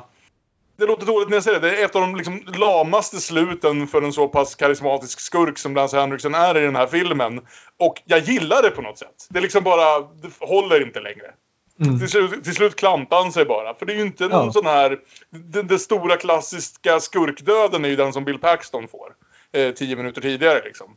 Här på slutet där är det verkligen bara så här, ja, bilen kraschar inte ens liksom in med en stor explosion. Den bara liksom kör av vägen lite grann och stannar och brinner. När det gäller det här med att inte kunna klockan som vi har varit inne på flera gånger. Man, man kan ju ändå ska tänka så här att ja men när de lärde sig klockan de här vampyrerna då var det liksom solur som gällde. Och, och de har inte brytt sig om att följa med riktigt i teknologin efter det. Så att det liksom, de har inte kanske snappat upp att det finns ett smidigare sätt. De är ändå ganska korkade. Ja. Hålla, hålla koll på tiden. Så, Och det är Ja. väl Near Dark. Han transfuserar sin tjej också eftersom det funkar. Så lever de, antar vi, lyckliga alla sina dagar. Men eh, det här är en 80-tals actionfilm och de brydde sig inte om den här scenen som kom in sen i alla 90-talsfilmer. Där man faktiskt behöver en scen som visar hur det gick sen. Utan i samma sekund som hon har legat på transfusionsbordet så är filmen slut. Precis det, var väl lite, så. det var väl lite skönt. Ja, jag gillar det. Det är samma sak som äh, att flugan väldigt berömt slutar mindre än 30 sekunder efter att liksom handlingen är avslutad. Mm. Mm. Jag gillar den här filmen. Jag hade mer problem med manuset den här gången. Eller vad ska jag säga, bristerna i manus eh, stod ut mer för mig den här gången. Jag ogillar inte Adrian Pastor i den här filmen. Men han är ju liksom... Vad ska man säga? Det fin finns någon slags eh, klyscha om att eh, för att få till en lyckad actionfilm behöver en minnesvärd hjälte. För att få till en lyckad skräckfilm behöver en minnesvärd skurk. Och Mm. ska man följa det så eh, är det här mer en skräckfilm än en actionfilm. För skurkarna är ju lysande. Alltså jag älskar Lance Henriksen eh, och Bill Paxton och hela den, liksom, den onda sidan av vampyrfamiljen. Jag tycker Pastor klarar sig helt okej. Men inte, inte, inte så att det är en jämn match på något sätt. Han är ju inte lika karismatisk här som han är några år senare i Profit. Det Nej, alltså, kan man inte herregud. säga. Ja, jag tänkte att vi borde nämna Profit lite kort också för Pastor spelade ju kanske den mest antihjälte av alla antihjältar någonsin i den kortlivade tv-serien Profit. Som i stort sett är American Psycho The Series. Bara att han in, inte riktigt yxmördar lika många men det är mest för att han är lite smartare än vad Patrick Bateman är. Jag sa ju innan att jag kanske hade lite, kände att filmen hade lite svårt att få ihop eh, västern och, och, och skräcktemana. Och jag, jag, jag kände kanske inte riktigt att den lyckades med det för mig i, i, i- i barscenen, vilket jag kanske tror att ni är ändå inne på att, att den gör. Men, men däremot så funkar det ju jävligt bra ihop från, eh, åtminstone i liksom den här eh, hotell eh, shootouts-scenen. Där liksom blir, blir det ju där blir det ändå ett perfekt mashup även för mig, eh, får jag ändå säga, av, av Mm. västern och skräcktematiken. Att, mm, där funkar det verkligen. I deras bungalow. Ja. Ja. Vi kan ju nämna ett par, ett par saker till bara om Near Dark. Att det skulle gjorts en remake för några år sedan. Och man, man kom fram till att ja, men nu när vampyrer är heta igen, vi gör en remake på Near Dark. Men eh, The Powers That Be bestämde sig för att den var för, de tyckte den var för lik Twilight. För att kunna släppas, Ja, vilket precis- känns som en vä- väldigt underlig eh, motivering. Så det Ja. de gjorde istället var att de gav ut eh, Bigelows Near Dark en gång till, men med Mm. nytt DVD-omslag. Det är den jag Där- har. Där Adrian Pastor är då photoshoppad för att se ut som en vampyr och Jenny Wright för att se ut som hans eh, mänskliga flickvän. Vilket är alltså precis raka motsatsen till vad som faktiskt händer i filmen. Och eh, taglinen Pray for Daylight. Och Ja, Nja. det, det är den Blu-ray-kopian jag har. Det är inte ett vackert omslag, men en bra skiva. Ja. Och vi kan också nämna, ap- apropå Alien-skådespelare, att eh, Bigelows första val till eh, huvudskurkrollen var Michael Bean, men han tackade nej för han tyckte manuset var alldeles för förvirrande. Vänta, Paxton-rollen alltså antar jag? Inte Henrik. Nej, He- He- Henriksen-rollen. Aha. Det var Och, intressant. och eh, det får vi säga mer om Michael Beans läsförmåga än något annat. Men Ja, alltså, manuset, eh, förvirrande skulle jag inte kalla det. Manuset är ju den minst starka biten av den här produktionen. Det är ju en film som lever Mm. extremt mycket på, liksom, på sin stil och sitt foto och hela jävla stämningen som byggs upp. Eh, Vi har inte nämnt musiken av Tangerine Dream än, men jag tycker den är alldeles underbar på att bygga den här konstiga som sagt blandstämningen av, av skräck och western. Ja, men det om det. Alltså, en punkt som vi kanske borde trycka på lite grann också just i och med årets tema är väl det här. Gör det någon skillnad att det är en kvinna som har regisserat den här filmen? Hur skulle den se ut annorlunda om vi hade slängt in valfri manlig actionregissör på den istället? Finns det några liksom, punkter där det känns som att så här hade det inte sett ut? Eller är det att förenkla det för mycket? Ja, Nej, det jag- känns ju som att en ung och ensam, ledsen, missförstådd kille träffar en Manic Pixie Dream Girl som råkar vara med i ett knarkande rockband. Det hade nog en kille också klarat. Jag vet inte. Alltså, Bigelow, när man läst artiklar om henne, beskrivs ju så väldigt ofta som liksom en kvinnan i grabbarnas värld eftersom hon är en av de väldigt få liksom, framstående kvinnliga just actionregissörerna. Och med det kanske kom det här priset att hon väldigt mycket verkar spela lite på deras planhalva här. Att det är ju inte liksom något feministiskt storverk.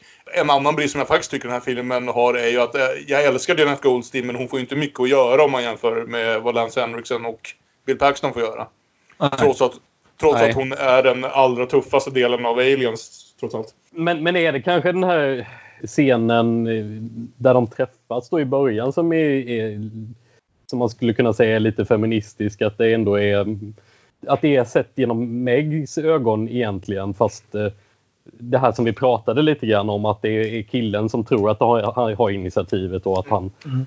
han ska förföra henne men det är i själva verket hon som leker med honom och har liksom inte riktigt bestämt sig för ska jag, ja. vad, ska jag göra, vad ska jag göra med den här? Så här jag kan ja. göra vad jag vill med honom och, och så.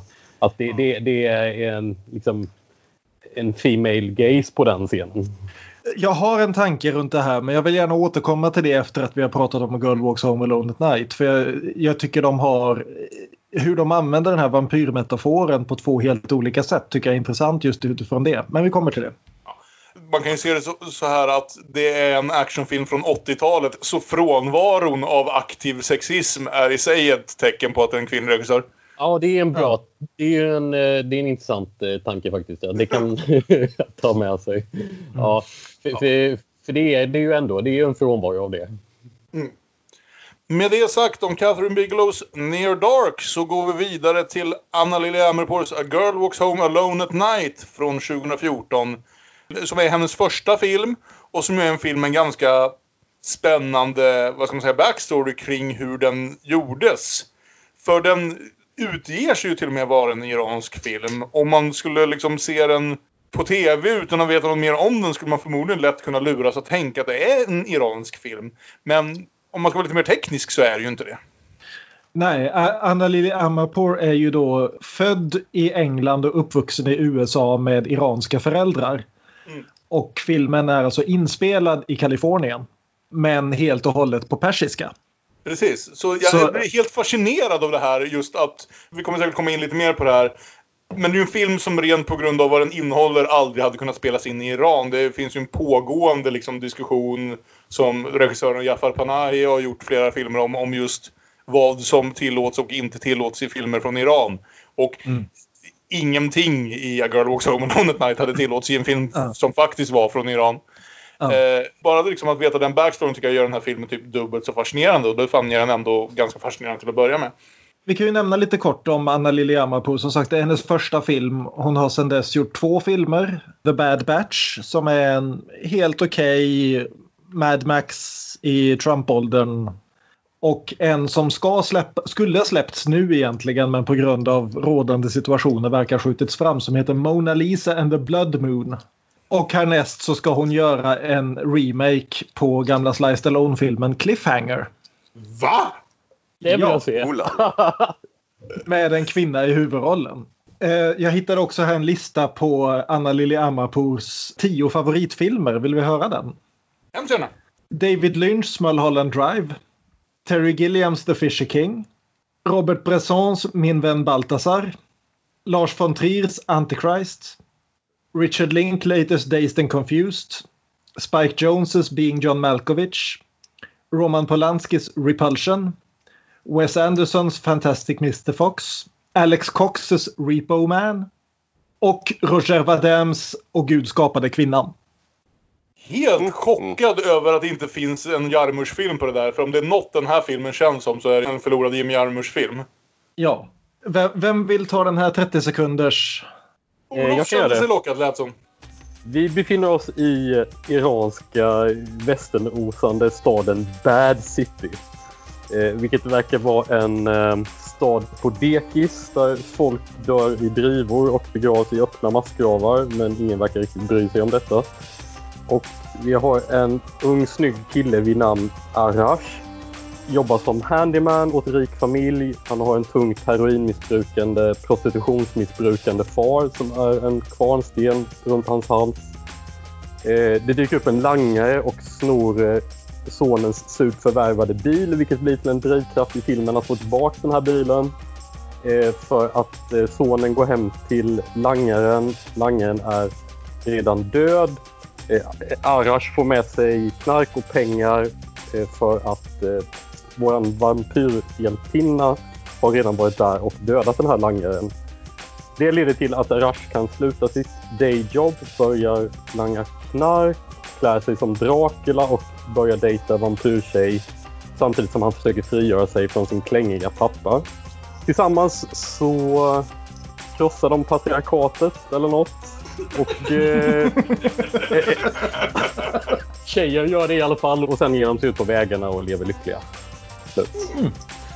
Den är helt och hållet svartvit ska nämnas kanske. Ja. Och enormt snyggt svartvit också. Gud, jag älskar det här jävla oljesvarta med skuggorna. Ja. Hela, den är så förbannat vacker den här. Och, Och det, det är inte alla som klarar av att filma svartvitt med digital kamera men det här är jävligt snyggt faktiskt. Jag tänkte Eh, just fråga det. Är det digitalt eller film? Det är digitalt. Det var Jag är gans- bästa jag är ganska svartvita säker. digitalt. Ja. Med tanke på omständigheterna, lågbudget 2014, så måste det ju vara digitalt. Ja. Och det är liksom direkt från början så får vi presenterat både stan och Arash och alltihopa så väldigt amerikanskt kodat. Så det blir ju en liten chock när han öppnar munnen och börjar prata persiska. För det är liksom, han har jeans, t-shirt och brylkräm i håret och solglajjor. Han kör jänkebil och han kör förbi liksom eh, oljefält och oljecisterner och alltihopa. Och som sagt, det är väldigt mycket Jarmusch. Alltså, tog, tog mig typ 30 sekunder att tänka på Down by Law i den här första Ja. scenen. Eh, det filmat så nära så att jag tänker att det måste vara liksom eh, menat. Mm. Att man ska tänka på det. Och, och att vi befinner oss i Iran blir ju egentligen först riktigt tydligt. För man tänker liksom först att jaha, men det, det är någon sorts pastisch på USA. Men istället så kommer han ju hem till pappa. Och pappa sitter och tittar på tv och på tv är det någon partifunktionär som förklarar att kvinnorna ska vara tacksamma över att de får ta hand om hushåll och barn medan männen tjänar ihop pengarna. Och om när mannen lämnar dem för en yngre kvinna så får de helt enkelt tänka på det de fortfarande har och vara lyckliga över det. Är det det? Jag funderar på om det, om det kan vara någon, någon dålig reklamfilm för, för, för typ fam, familjens jurist typ som ju också, men- som ju också är lite pastisch på att det finns väldigt mycket sådana reklamfilmer i USA men det skulle aldrig förekomma i Iran att köra reklamfilmer på det sättet. Men, men, men, men det är en väldigt iransk sätt att göra den typen av reklamfilm. Ja. Men jag älskar bara den här grejen att liksom försöka hitta Iran i Kalifornien. Att försöka filma Kalifornien så att vi nästan luras att tro att vi liksom är i, i Mellanöstern. Det är jävligt snyggt och det är spännande och det, blir, det gör att den inte riktigt ser ut som någon annan film. Jag har ändå sett liksom hyfsat mycket annan iransk film som oftast är mycket mer, vad ska man säga, naturalistisk. På, påminner mig också förresten, jag ska bara lägga in det som en anekdot, att på den tiden när jag försökte göra dokumentärfilm så gick jag en gång ut en snöblåst fotbollsplan i Norrköping och försökte låtsas att det var Kolahalvön. Eh, Cola Light-halvön. ja, precis. Vi får i alla fall presenterat här liksom det som verkar vara liksom grundcrewen eh, i filmen. Det är som sagt Arash, hans pappa heroinisten Hossein och så farsans eh, dealer som heter Said.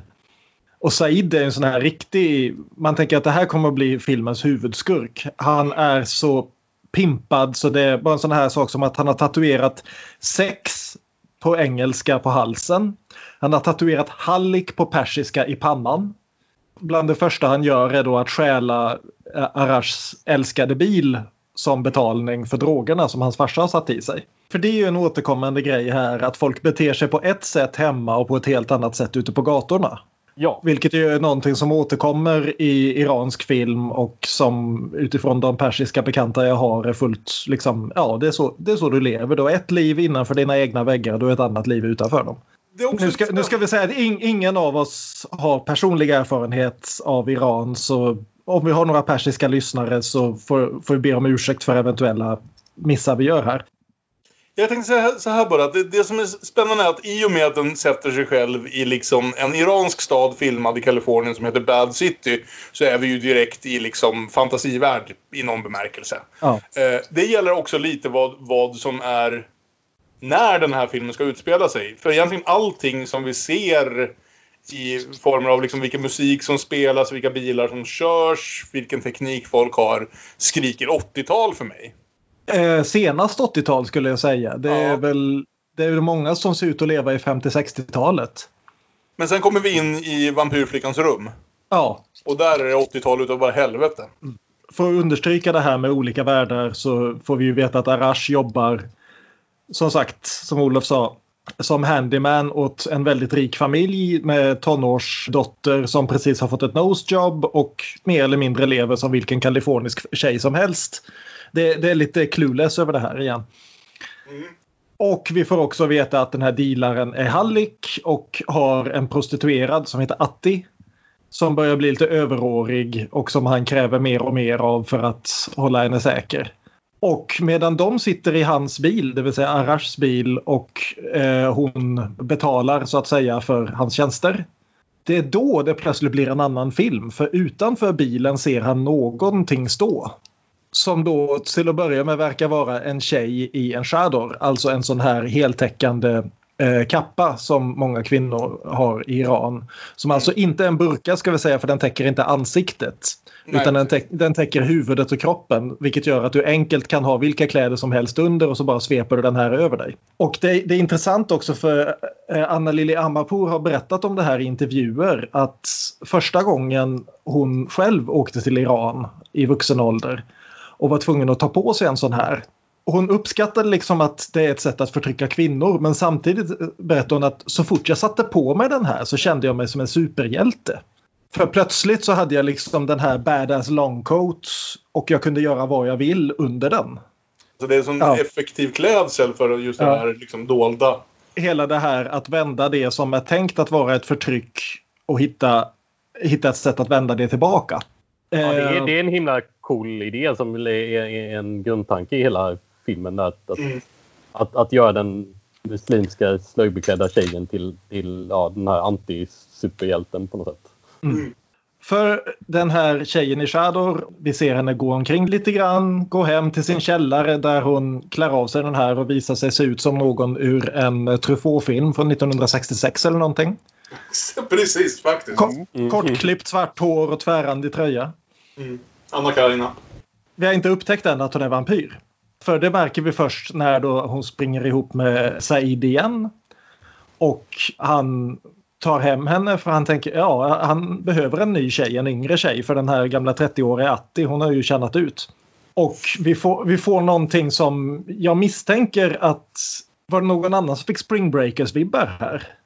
Said ska visa upp liksom sitt pimpliv. Han snortar koks, han eh, sätter på sin lyxiga stereo.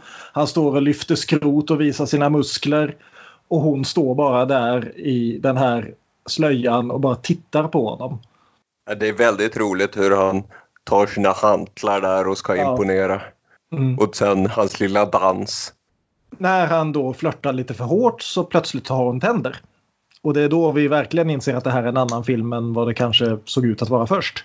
Said som återigen, vi har inte de intelligentaste huvudpersonerna alltid i de här filmerna.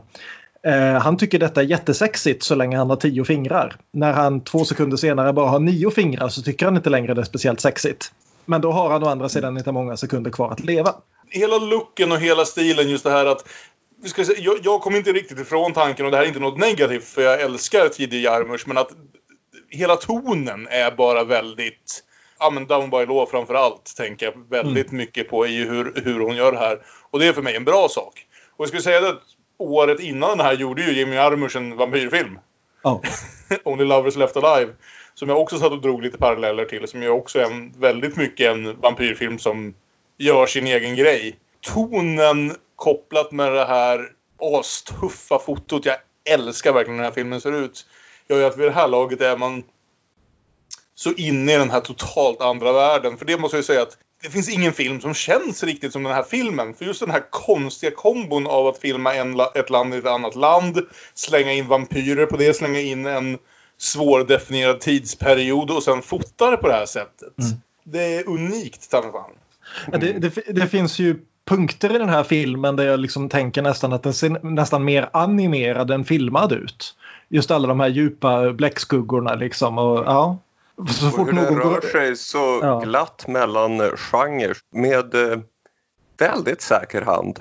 Vild komedi och total social misär, misärporr. Den bara dansar sig igenom det. Om Near Dark inte stannade för stora lore dumps om hur vampyrer funkar och vad reglerna är och så vidare så... Den här är ju lätt att ibland glömma att det ens är en vampyrfilm. De allra flesta scenerna berör helt andra saker.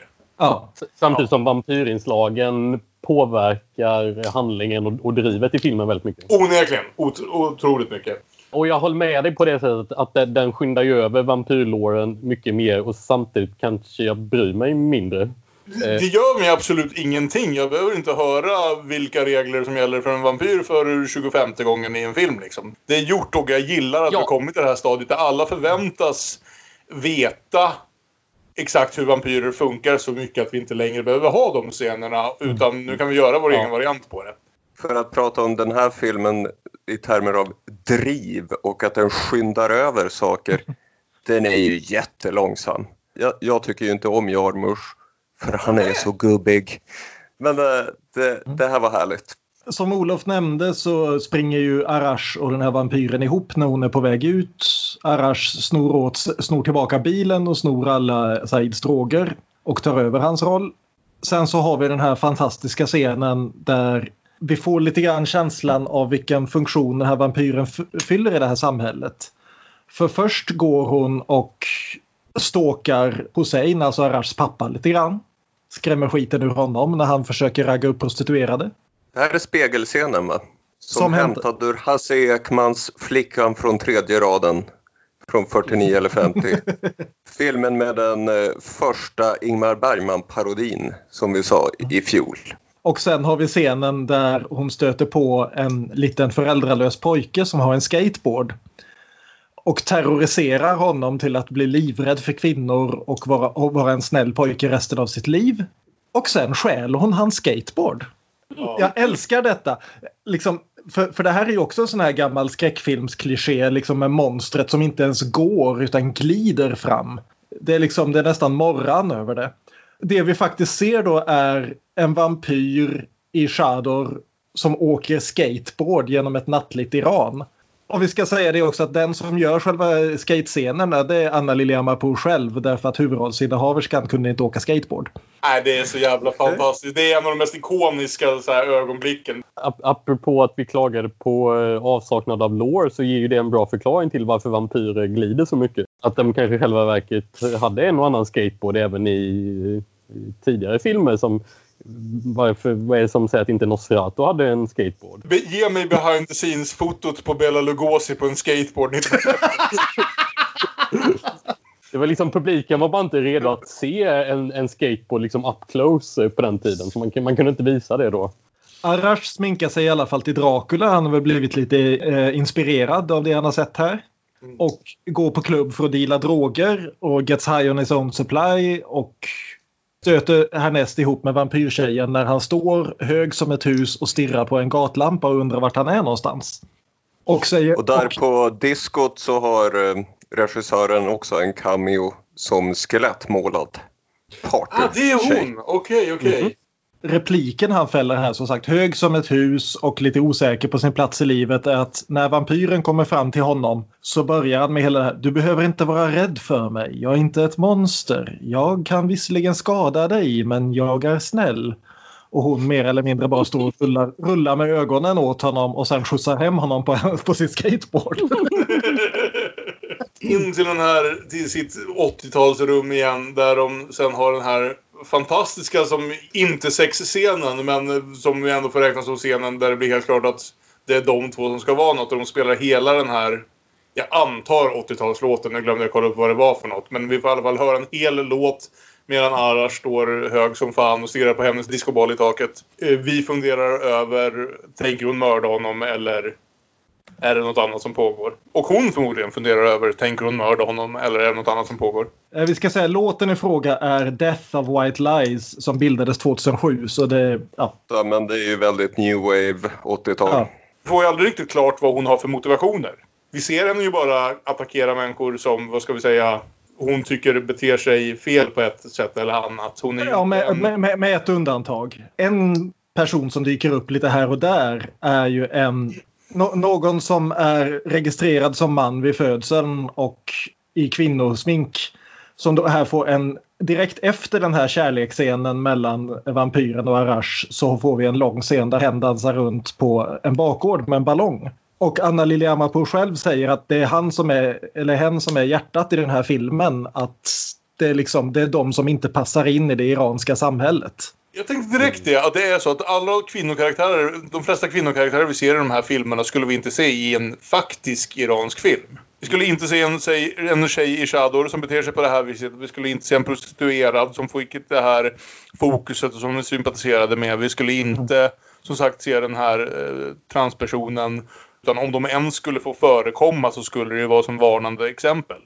Eh, Ja, det tror jag av också. tvång i, iranska filmer och här ges de liksom fritt spel. Jag älskade den här jävla ballongscenen. Fotot i den här filmen må vara liksom Jim Jarmusch på 80-talet men ljudmixen är David Lynch hela vägen. Så när du sa Mulholland Drive där på den där listan över hennes favoritfilmer blev jag inte förvånad. Vi får ju också en kort scen här mellan vampyren och Atti där de liksom frågar ut varandra om sina motivationer. Att Atti vill bara tjäna ihop nog med pengar för att ta sig härifrån men eftersom hon är prostituerad och över 30 så kommer väl inte hennes intäkter att öka direkt framöver. Och hon frågar vampyren liksom, är du en tjuv? Nej. Är du religiös? Nej. Ja men vad är du då? Och det har hon inget svar på. Eh, Hade vampyren haft ett namn så hade den här scenen gjort att filmen klarade Bechdel-testet. ja. Ja, det var, ju- det var ju tråkigt. Vi får i alla fall en fin scen här också mellan Arash och vampyren när de träffas utanför raffinaderiet och diskuterar Lionel Richie och hu- huruvida man är ond eller inte. Vilket är mer av en diskussion om det än vad Near Dark någonsin hade. Även om de inte kommer fram till någonting. Och han gör hål i öronen på henne och ger henne ett par örringar. Vilket är fint. Ja, det är en ganska romantisk scen. Mm. Ja. För oss tillbaka till myggan i början på Near Dark. Alla sätt att sticka fram blod Ja. visas smart. Sätter tonen. Precis som Mario sa så är väl det här en ganska långsam film men, men, eh, redan från början. Men här passar ju filmen på att sakta ner ännu lite mer eh, och, och bli lite romantisk. Men, men Ja. eh, jag tycker det var gulligt. Ja, här funkar ju faktiskt kärlekshistorien ganska bra. Ja, Mer än Near Dark. I Near Dark glömmer jag lite bort att May ens finns efter att de väl liksom sätter igång ordentligt med, med, med de riktigt intressanta skurkarna. Men, men under tiden så håller ju Arashs privatliv på att kajka ur fullständigt för Hussein blir bara mer och mer paranoid och heroinsjuk. Har förresten sagt att hans pappa Hussein alltså, spelas av taxichauffören från How I Met Your Mother? Det är kanske den, det är ju den skådisen man framförallt känner igen i filmen. Ja. Eh, Av, av den anledningen, för jag, Ja. giss, jag, jag tror jag vet att alla nu medverkande i podden i den här veckan har följt How I Met Your Mother i alla fall i, till stor del. eh, jo, men det, det har jag gjort. Så att jag känner ju också igen honom där som taxichauffören där. Ja. Och det här kulminerar i alla fall i att eh, Hussein tvingar Atti att ta heroin. Vilket till slut liksom går över den här gränsen där eh, vampyren måste döda honom. Mm. Jag tänker en del bara, alltså, jag menar vampyrfilmer är ju ett helt hopkok av olika toner och så här. Det känns som att hon har sett, framförallt i de här scenerna, som att hon har sett Låt den rätte komma in. Om hon inte har läst boken så har hon sett Thomas Alfredsson-filmen. Ja, För va- va- vampyr, vampyrtjejen i den här filmen och El i Låt den rätte komma in känns som att det finns ganska nära släktskap. Mm. Någonstans i just hur de väljer att använda sina krafter om de nu måste leva på människor. Och jag ska säga så här, eftersom den har en väldigt fri liksom, tolkning av vampyrmyten. Det finns inget av den här, vad ska vi säga, alltså blodlusten eller kravet efter blod eller något så här. Så vitt vi vet av att bara se den här filmen fristående så är det här bara en superkraft som hon använder för att hon är någon slags liksom superhjälte, som sagt. Det, det, det finns ju en scen där hon mördar en uteliggare. finns det jävlar. Ja, och det antyder väl att hon faktiskt måste. Ja. Och det antyds väl också att en av orsakerna till att det finns öppna massgravar i Bad City som ingen Ja. verkar bry sig om särskilt mycket är att någon går omkring och äter folk. Ja, Ja, det måste ju vara någon, nå- de där kropparna måste ju komma någonstans ifrån. Och jag, jag, det antyder ju på, på något sätt kanske också att det skulle kunna finnas fler som hon, men, men det eh, får vi väl inte riktigt veta i så fall. Nej, det är ju faktiskt en, en vampyrfilm men bara en vampyr, vilket nästan är ovanligt nu Men det är väldigt många kroppar i, i de här massgravarna. ja. Ja.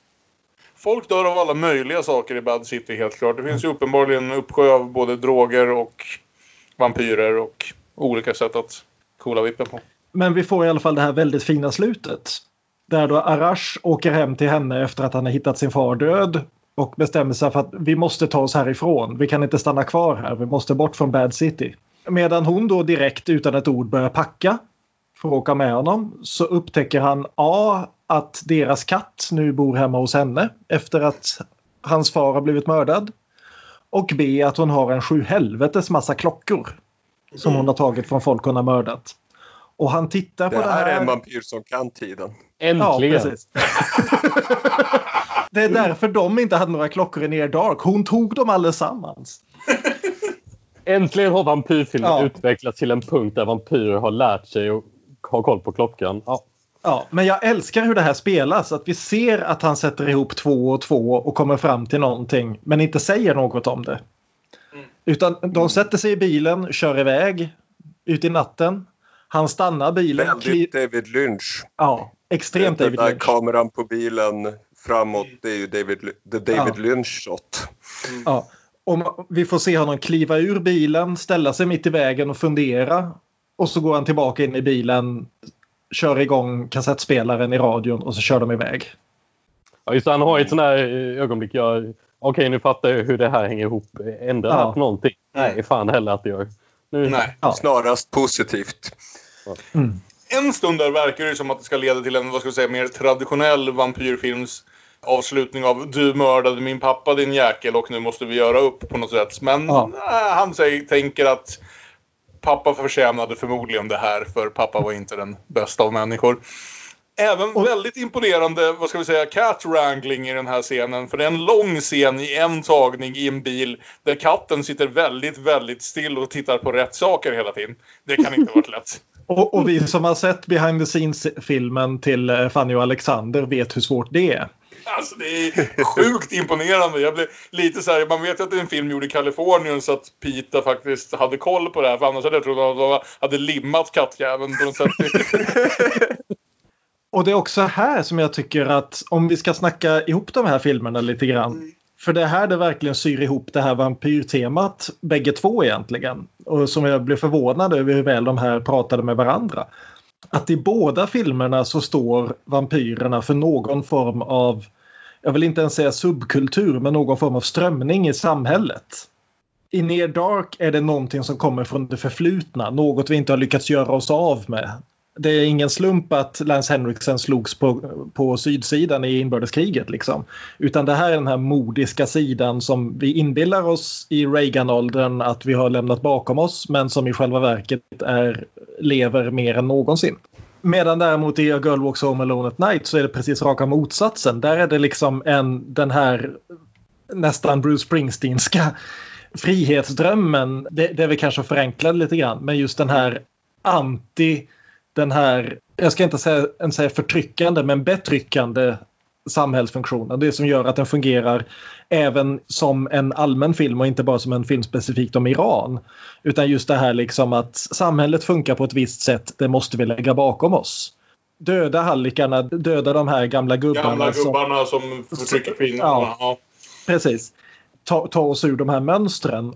Hon har ju själv sagt att hon är lite obekväm att tolka den här som ett feministiskt verk utan hon ser det mer som ett verk som ställer frågor om fri, vad frihet är. Och det kan jag definitivt förstå för det är ju liksom vampyren här liksom är ju någon som har möjligheten att göra precis vad hon vill. Och som i slutändan väljer att hellre än att bara döda allting väljer att ta med sig några stycken ur det här. Ja, du valde det som dubbelbull någon gång Björn, så jag tänker att vi kanske inte pratar om den i slutet av avsnittet igen. Men Jafar Panayis This is not a film blir ju en film om att göra film i Iran som inte får göras i Iran. Och det här blir en film om att göra film om Iran när man väl har kommit ur Iran. Hon är ju som sagt hon är amerikan, eh, iransk amerikan. Hon har väl aldrig... Jo, men jag menar hon väljer ju ändå här. Det här hade ju Ja. kunnat vara en vampyrvästern om, i Kalifornien med amerikanska Ja. skådisar på amerikanska. Och ju, hon väljer ju att inte göra det. Hon väljer ju att medvetet någonstans göra en film om landet som hennes föräldrar kommer ifrån. Som hon har Ja. sitt ursprung i. Och att spöa skiten ur vad man får och inte får göra i det landet. Oavsett det är som liksom en kvinna som lever i samhället eller som en filmskapare. Jag var, jag var tagen av den här. Jag älskar ju den här gamla jarmurska estetiken som sagt. Och att hitta den estetiken men sen göra någonting så här. Säga någonting om en helt annan kultur. För säga vad man vill om Jarmusch, han är en extremt amerikansk regissör. Han gör ungefär ibland för amerikansk kultur vad Amirpour gör här för, för iransk. Så jag älskade bara tonen och stämningen och looken och allt det här i det här. Jag tyckte det var... Jag kom som sagt ny till den här. Jag vet inte om jag var den enda som såg den för första gången men... Eh, Jag med. och du också. Jag gick in... Eftersom Near Dark har varit lite av en sån här liksom sent på natten favorit för mig i, ganska många år. Eh, och tänkte att nu kommer jag bli den som sitter här och försvarar den klassiska Hollywoodfilmen igen. Men eh, jag blev, blev slagen av den här på alla möjliga sätt. Och det är en sån film där jag är glad att jag läste på om hur den gjordes just för jag tyckte verkligen att det tillförde en dimension. Va, va, vad tyckte Aron då? Du som också såg den för första gången. Jag tyckte också den var väldigt bra. Lite väl långsam för min smak. Jag gillar ju mer upptempo. väldigt fint fotad. Väldigt bra känsla just genom alla genrebyten. Härligt. Ja, jag gillar den mycket. Jag håller med Kalle. Björn och Olof, ni kom, ni kom eh, tillbaka till den som liksom en favorit från för några år sedan då? Ja. Och jag, det var jättekul att se om den också för det var flera scener jag hade filtrerat bort i minnet liksom. Jag tänkte inte alls på den här innan den här scenen vid raffinaderiet där de var och pratade med varandra i fem minuter och bara det här liksom frågan att han gräver efter frågor att ställa på första dejten och frågar vad var senaste låten du hörde och hon svarar Hello med Lionel Richie. Och, och han svarar att ja men just det, det är ju de sorgliga låtarna man kommer ihåg. Och det är liksom, vänta nu, är Hello en sorglig låt? Den handlar om att bli kär. Ja, men ja okej, ja i, i deras situation så ja. Och, och det här när hon försöker liksom hävda att du vet inte vad jag har gjort, jag är ond. Och han bara flinar lite grann och säger jo jag märker det. Man kan tycka någon enstaka gång att den blir lite för stiliserad för sitt eget bästa. Men jag älskar liksom den här egna lilla världen den sätter upp som går eh, liksom en värld som utspelar sig om nätterna i skuggorna och så vidare. Bägge två de här är ju nattfilmer väldigt mycket. Ja, definitivt. Och liksom allt det här som händer när, när goda människor sover. Men att Girl Walks Home vänder fullständigt på det perspektivet. Det här är det som kan hända när samhället slutar trycka ner en, stu- en stund. Ja, jag, jag tycker väldigt mycket om den här filmen också. Jag, jag tycker väldigt bra om, om tempot i den. Det, det känns helt rätt för den här historien och hur den eh, matchar ihop eh, skräck och västerntemat. Som jag kanske sa förut, alltså jag tyckte det var kul att se om den efter att ha sett Near Dark som jag då inte hade sett, sett tidigare för att eh, jag tycker det känns som att eh, Girl Walks Home plockar upp en del saker som Near Dark gjorde och gör det lite bättre. Det är ju en annan film på sätt och vis för det är liksom inte alls en actionfilm som, som Near Nej, Dark. exakt. Men, eh, jämfört mest med- markanta skillnaden är väl den totala avsaknaden av liksom actionscener. Ja, så det gör, det gör ju de ändå väldigt olika i slutändan. Mm. Alltså det är en ganska feministisk och ganska politisk film utan att eh, prata så mycket om det egentligen. Man skulle lätt kunna missa det om man inte visste liksom omständigheterna om den som sagt. Det är nog fullt möjligt att, att se den och inte plocka upp de bitarna tror jag. Eh, Ja, det är, det är möjligt men... det- men, men tycker jag, inte- men ser det de tycker jag inte är en svaghet. Men... Nej, det behöver det inte vara. Men när, när, när om man ser de bitarna så lyfter det ju filmen också ytterligare några snäpp som jag tror att du också var inne på, Kalle. Ja, men då så. Eh, Det låter som att vi för oss till slutet av vår diskussion om Near Dark och A Girl Walks Home Alone at Night. Ska vi välja en favorit av dem också? Jag tycker det låter som att vi har 4-0 för A Girl Walks Home, men jag vet inte. Är det någon som föredrar Near Dark? Nej. Nej. Då så. Anna Liljehammer vinner den här ronden. Därmed inte sagt att Near Dark är en dålig film. Det är det absolut inte. Det är ju i långa stycken en härlig film. Jag, jag tycker bara inte den har inte riktigt samma eh, samordnade one-two one two punch liksom som eh, Girl Walks Home har. Jag älskar varenda minut och varenda stund av Near Dark. Från att de går in på baren till den första transfusionsscenen som är ungefär 35 minuter. Och om hela filmen höll det tempot och den tonen och så, så skulle Near Dark vara, vara en klassiker för mig. Men nu är det ungefär bara halva filmen som gör det. Så, så visst, alltså manusbristerna i Near Dark blev mer uppenbara för mig den här gången även om den lyckas liksom täta över det väldigt mycket genom att vara förbannat snygg och ha otroligt karismatiska skådisar. Två väldigt snygga filmer den här veckan. två, två filmer där man är väldigt glad åt moderna HD-tv-apparater och att man inte behöver se det här på illa upplösta gamla tjock-tv. Nej, Alltså, jag tänker det att Near Dark var ju en typisk sån här film som om man ville se den på 90-talet var det ju att fånga den på typ TV3 klockan halv två på natten. Det var ju förmodligen så jag såg den första gången liksom. Och lyckades liksom spela in den på VHS eller något. Ja men då så, ska vi gå in och köra vad fan heter leken nu då Aron?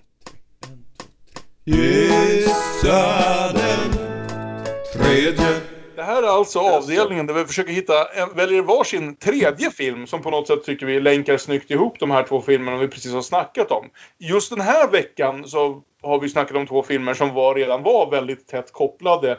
Det som kommer hända här under året är väl att vi kommer dyka på filmpar som inte alls har en så här nära koppling till att börja med. Och då kanske man behöver hitta en felande länk för att liksom koppla dem till varandra. Jag kan börja den här veckan bara för att säga att jag tror faktiskt att min felande länk blir Twilight. Det var en utmärkt tredje film att se mer om. Det var absolut den sämsta av de tre och det är nätt och jämnt en film jag rekommenderar för precis rätt läge. Man ska vara på precis rätt humör för att se och tycka om Twilight. Men jag var nog det.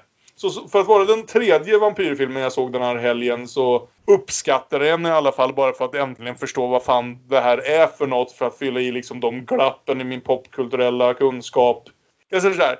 Jag älskar inte Twilight men nu förstår jag i alla fall varför man kan göra det. Nattfilmer där man kör bil. Det pågår i film noir. Det pågår mest av allt i They Live By Night. Svensk titel Kärlek till döds. Vilket ju hade varit en härlig vampyrfilmstitel. Ja, det är film noir-versionen av den här Romeo och Julia-historien om unga älskande som kör bil. Den är jättefin. Vi pratade väl om In a Lonely Place vid något annat tillfälle vill jag säga Aron, på den här podden. Ja, också Nicholas Ray som jag dubbelbullade med någonting förra året. Ibland blandar jag ihop titlarna så jag tror att man pratar om den ena filmen och man pratar om den andra filmen. Men just det, du har inte valt samma film två gånger. Nej, jag håller med. Helt fin film om att vara ung, kär, olaglig och köra bil i svartvitt. Ja, vi vet inte att de inte dricker blod när kameran är av. Det är fullt möjligt. Jag var ju inne lite grann på just det här med westernfilmer som har flyttats från den värld de i vanliga fall utspelar sig i. Om det är överflyttat till moderna USA eller om det är överflyttat till Iran. Det är inga vampyrer i den här men det är ändå en film som jag tycker väldigt mycket om och som jag tycker förtjänar att lyftas fram lite grann. Och det är ju då Takashi Miikes Sukiyaki Western Django. Som alltså är en, får se nu. Det är en japansk remake på Fistful of Dollars som ju är en amerikansk remake på Yojimbo som ju är en japansk remake på Red Harvest. Ja. Fa- Fast den här gången med absolut extra allt. Och har man någon gång sett Takashi Miike på skojhumör så kan man ana exakt vad som händer. Eh, det blir väldigt, väldigt blodigt. Det blir väldigt, väldigt övernaturligt. Inte övernaturligt på så vis att det är en massa spöken och vampyrer. Men på så vis att du kan avfyra en kula från fem mils avstånd och få den att gå i en båge och träffa någon. Sådana saker. Eller att du kan ha en showdown mellan eh, ett gäng skurkar med kulsprutor och en hjälte med samurajsvärd. Eh, Sådana saker. Det är en helt underbart galen film och just den här överflyttningen av western till något som blir mer av en myt och en estetik där man kan göra i princip vad som helst inom den. Och, och framförallt om man har tittat på de här två och tycker att den ena har lite för mycket filling och den andra har lite för mycket scener som håller på i fem minuter och ingenting händer så har du här en film där det garanterat händer saker och ting. Inklusive att Quentin Tarantino spelar en gammal japansk man som älskar Akira. Sold! Toppen. Olof, har du hittat någonting? Ja, Okej, men då, då, då tänker jag så här att eh, om utmaningen är gissa den tredje så försöker jag här föreställa mig om de här två filmerna utspelar sig i samma universum. Vad var det egentligen som hände då mellan de här filmerna? Och då tänker jag mig kanske en film som nämndes kort tidigare här, nämligen Wallace and Gromit, The Curse of the Were-Rabbit. Det var det som hände emellan. Som vi var inne på, varför är han så bra på blodtransfusioner den här, den här bonden? Jo, men han experimenterar ju med sina djur. Han experimenterar med får, med grisar, med kaniner och så vidare. Eh, det leder till de här eh, were-rabbitsen. Eh, det sprider sig över världen, det sprider sig till Iran. Det, det är ju gammal historia när vi kommer in i, i, i liksom Girl Walks Home-handlingen så att säga. Men, men det är ändå en, en grundläggande problematik i varför Bad City blev som det blev. Jag gillar det jättemycket. Den delen Bra fanns med i Catherine. Bigelows original men då, producenterna tittade på det och sa nej, folk kommer att säga att du är helt hemlös genremässigt. Du måste ta bort det här animerade partiet med varulvskaniner. Ja, det är synd att, hon accepterar det. Toppen hörni! En jättekul diskussion tycker jag om två vampyrfilmer regisserade av kvinnor och eh, ja, jag känner att det är lovande inför det här året. Det är kul att få liksom snacka eh, lite mer vitt och brett om olika typer av filmer och eh, olika eror och sånt snarare än när vi satt fast i Ingmar och pratade om varia variationer på samma tema vecka efter vecka. Ja, och nästa vecka ska vi ha tema, vad ska vi- kalla det? PK-tema kallade vi det lite skojfriskt. Jag vet inte om det egentligen är rätt sätt att säga det på. Men vi ska i alla fall titta på två ganska kontroversiella filmer. Sociopattema kan man väl kalla det också. Det funkar bra. För vi ska titta på Liliana Cavanis Nattportieren från 1974. Den handlar om ett förhållande mellan två människor som under andra världskriget var fånge och fångväktare i ett någon form av fångläger som möts igen efter kriget och ja, startar ett förhållande av ett slag. Och den blev ganska uppmärksammad när den kom. Jag har aldrig sett den eh, förut. Så det är den ena filmen vi ska se och den andra är Mary Harrons American Psycho från år 2000. En kontroversiell film som ju kanske framförallt är baserad på en väldigt, väldigt kontroversiell bok. Bret Easton Ellis American Psycho, ja. Och det är en film som jag har sett förr, men som ska bli intressant att återvända till och se vad jag tycker om den nu. Jag kan ju tänka mig, Björn, att det är en sån bok som du har läst också så att eh, du kan komma med lite jämförelser där. Jag kan till och med ha läst den mer än en gång. Det låter bra det, men då får vi också med oss Staffan, Arons lillebror, som gäst. Så han dyker upp igen från några välvalda Bergman-avsnitt och det ska bli kul att höra vad han har säga om de två filmerna. Och vi ska säga vart man hittar de här filmerna också. Nattportieren hittas ju till exempel på Draken Film. Och American Psycho finns till exempel på SF Anytime. Ja. Där finns även för den som vill utsätta sig för det American Psycho 2. Som vi väl också kommer att nämna lite kort. Men det är absolut inte eh, nödvändigt att se på den filmen för att uppskatta eller inte uppskatta Mary Harrons original. Så vi hoppas ni återvänder nästa vecka och vill lyssna på det. Så passa på att se de filmerna om ni känner för det och har möjlighet. Innan vi säger då så ska vi väl nämna också att vi gör ju fortfarande musik i den här podden även om vi inte orkar skriva den själv längre. Ja, vad är det ni har hittat på? Mitt ansvar är minimalt den här gången så, så jag ser fram emot det här mer än någonsin. Vi, vi eh, har hakat på blodtemat och vi ska försöka skramla fram en lite gothic version av eh, Susanne Vegas Blood Makes Noise. Jag är så glad att jag fick igenom det. Jag har älskat den låten sen, ja, sen den kom gissningsvis. Ni kommer få höra det efter att jag går igenom det jag alltid går igenom på slutet. Nämligen att vi finns faktiskt på sociala medier och ni får jättegärna höra av er. Vi är at Damonpodden på Instagram och på Twitter. Vi är Damonpodden med Ä på Facebook. Man kan mejla damonpodden at gmail.com. Och vi hoppas att ni gör det. Tack så mycket för att ni ville vara med och lyssna när vi snackade om vampyrfilmer. Det är ju något vi älskar att göra och har gjort länge tillsammans bara som kompisgäng. Tack till Olof för att du ville vara gäst igen det här året. Tack, det var kul. Vi kommer säkert att stöta på dig snart igen. Det hoppas jag. Ha det så bra tills vidare så ser vi två nya filmer och kvinnliga filmskapare till nästa vecka. Och hörs igen då. Hej då! Hej då! Hej då!